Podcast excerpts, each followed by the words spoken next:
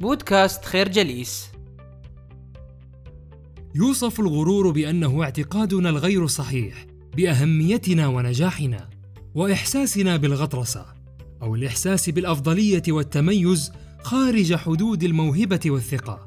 وقد تقول بأنك لست مغرور وأنه لا يمكن لأحد أن يصفك بالغرور. ولكن الحقيقة هي أن الغرور صفة متأصلة في البشر كلهم. فالغرور هو ما تحتاج إلى أن تسمعه حتى تتغلب على خوفك الداخلي. تحتاج إلى أن يخبرك عقلك بأنك مختلف ومميز وقادر على النجاح في كل مرة تحاول أن تنجز عملا إبداعي أو تقود الآخرين نحو النجاح. ولكن حين يصبح هذا الانطباع الشخصي عن نفسك مبالغا فيه يصبح الغرور عقبة في طريق تحقيق الطموح. أو الحفاظ على ما حصلت عليه من نجاح والاستمراريه أو تخطي الفشل والتعافي. مشكلة العصر الحالي هي زيادة قدرتنا على الشعور بالغرور. فمن السهل اليوم أن تنشر على حساباتك في مواقع التواصل الاجتماعي منشورات يومية عن مدى نجاح شركتك. وتحصل على آلاف المباركات. وفي الحقيقة شركتك هي مجرد حبر على ورق. وقد تتمكن من عرض فكرتك على ملايين البشر وتحصل على الإعجاب فتشعر بأنك حققت نجاحا باهرا مع أن فكرتك لم تغادر رأسك. وقد تسمع اليوم عن شخص ناجح جدا واجه صعوبات الحياة وتغلب عليها وتتمنى أن تصبح مثله. وفي اليوم التالي تسمع عن الانهيار التام الذي حدث في حياته والفضائح الذي تعرض لها. ببساطة لأن غروره منعه من عرض القصة الحقيقية حول نجاحه والوجه الحقيقي خلف حقيقة إنجازاته. لأن القصة التي ترويها ويرويها أي شخص عن نفسه عادة ما لا تكون الحقيقية. دائما ما يوجد بها مبالغات عن القدرات الشخصية وتخفيف من الأزمات الحالية. الغرور عدو لا يستهان به في أي مرحلة في حياتك.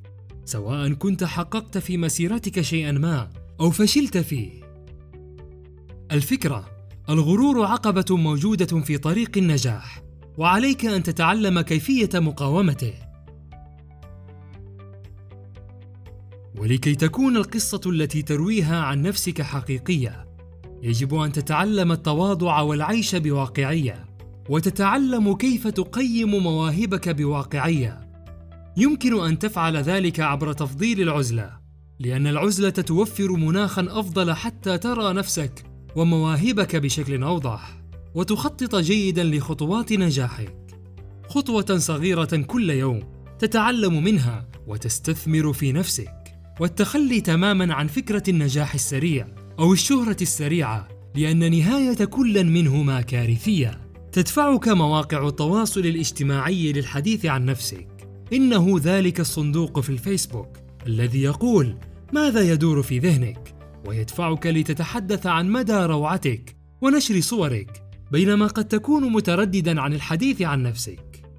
في انتخابات ولاية كاليفورنيا عام 1934 قام الكاتب إبتون سينكلر بحركة دعائية جريئة حيث قام بتأليف كتاب عن فوزه بالانتخابات وقدرته على إنهاء الفقر في الولاية وكتبه بصيغة الماضي وكأنه فاز بالفعل. حقق الكتاب مبيعات هائلة ولكنه خسر الانتخابات ويقول المختصون بأن سينكلر تحدث كثيرا عن نجاحه حتى أنه لم يعد مهتما بالأفعال والدعاية الحقيقية لبرنامجه الانتخابي لأن كثرة التحدث عادة ما تتزامن مع قلة في الأفعال فإن رغبت بالنجاح تعلم الصمت لأن الصمت بداية قوية لأي رحلة طموح جديدة. الفكرة: التواضع هو التمسك بواقعية الأمور، وكبح الرغبة في التحدث عن طموحك. واحد من أكثر الرجال طموحًا ونجاحًا في التاريخ هو جنكيز خان، القائد العسكري الأول للمغول. فقد استطاع المغول في عهده السيطرة على أراضٍ واسعة في آسيا وأوروبا، والسبب في استمرارية نجاحه على مدار حياته هو أنه كان يعد نفسه تلميذا دائما وفي كل شيء. في البداية نظم جنكيز خان جنوده في مجموعات من عشرة أفراد، وهي فكرة سرقها من الأتراك. وفي وقت لاحق تعلم من المهندسين الصينيين كيفية تحطيم أسوار المدن الكبيرة فصار خبيرا في ذلك ولم تتمكن المدن من الصمود أمام حصاره. وهكذا في كل مدينة يدخل إليها. يستدعي كل مفكر وكاتب وطبيب ومهندس ويتعلم شيئا جيدا من ثقافته. بذلك تمكن المغول من السيطرة على مساحات شاسعة. وتقول بعض الروايات بأن المغول ساهموا في انتشار أفكار وثقافات في العالم القديم مثل السجاد الفارسي واستخراج المعادن بالطريقة الألمانية والنودلز الصيني فقط بسبب حبهم للتعلم. واستثمار هذا التعلم في استراتيجياتهم الحربية. كونك تلميذ يعني أن تدرك أن النجاح خطة بعيدة المدى، كما فعل بيل وولش عندما تولى تدريب فريق 49رز لكرة القدم الأمريكية وكان حينها أسوأ فريق في دوري المحترفين وبدلا من وضع خطة عبقرية للفوز اهتم بدقة مواعيد التدريب وبترتيب غرفة الملابس وعدم تلفظ اللاعبين بألفاظ سيئة وتفاصيل دقيقة هدفها تعزيز الانضباط والروح الرياضية في الفريق. وجاءت النتيجة بعد ثلاث سنوات عندما فاز الفريق بالسوبر باول ولقب والش بالعبقري. وعند سؤاله عن الخطة التي وضعها منذ البداية قال بأنه لم يمتلك خطة إنه لم يحلم أحلاما بعيدة بالفوز. ولم يسرد لنفسه أو للفريق قصة خرافية عن الفوز السريع. إنه اهتم بالانضباط والتواضع ورسخ فيهم العمل بإتقان. فجاء الفوز بمفرده. الفكرة أن تظل تلميذا طول حياتك بتواضع وتتعلم من كل شخص تقابله يعني استمرارك في النجاح والتقدم. في الموسم الأول لقيادة بيل وولش لفريقه فاز في مباراتين فقط مقابل 14 هزيمة. وهي نتيجة لا تختلف أبدا عن المدربين السابقين له. فللوهلة الأولى ظنت الصحافة أن وولش لن يحقق أي نجاح باهر مع الفريق مثل سابقيه. ولكن كان تقييم وولش للنجاح مختلفا. لقد قيم النجاح بمعاييره هو الشخصية. مدى التغير في انضباط الفريق؟ وكيف تغيرت طريقة لعبهم إلى الأفضل؟ هذا ما يميز المتواضع عن المغرور حين يصادفهما الفشل. قد لا تتحقق رغبتك أو لا تحصل على الترقية في عملك وقد تضيع الفرصة التي تعتمد عليها.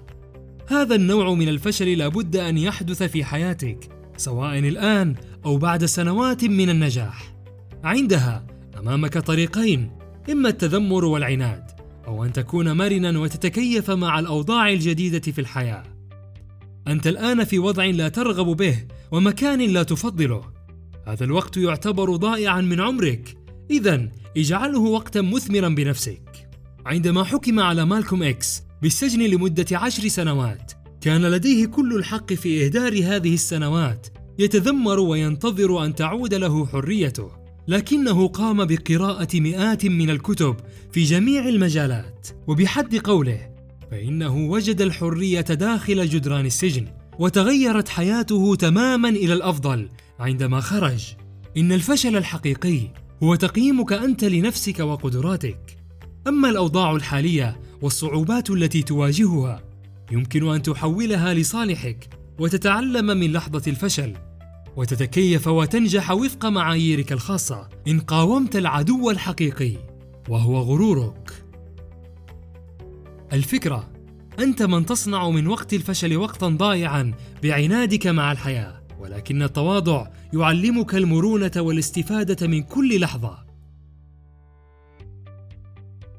نشكركم على حسن استماعكم. تابعونا على مواقع التواصل الاجتماعي لخير جليس. كما يسرنا الاستماع لآرائكم واقتراحاتكم. ونسعد باشتراككم في البودكاست.